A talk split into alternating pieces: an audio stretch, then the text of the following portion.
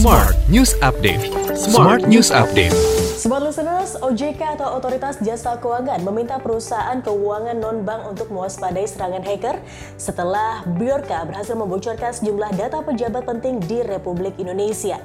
Kepala Eksekutif Pengawas IKNB OJK Odi Prastomiono mengatakan bahwa perusahaan besar sedang menjadi sasaran empuk sejumlah hacker. Namun, Ogi berharap perusahaan non-bank tidak menjadi korban hacker. Berita selanjutnya, rencana penghapusan listrik 450 volt ampere untuk kelompok rumah tangga miskin yang disepakati antara pemerintah dan Badan Anggaran DPR Republik Indonesia ternyata masih berupa usulan.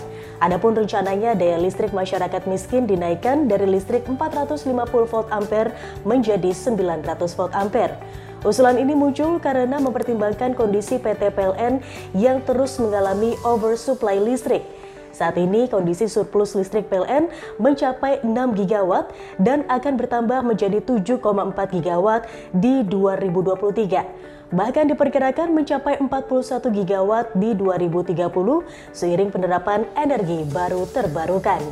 Berita terakhir, Menteri Keuangan Sri Mulyani Indrawati mengatakan bahwa pajak kendaraan listrik lebih murah daripada kendaraan hybrid. Ini adalah salah satu upaya pemerintah dalam transisi ke energi bersih dengan menerapkan pajak kendaraan bermotor berdasarkan emisinya.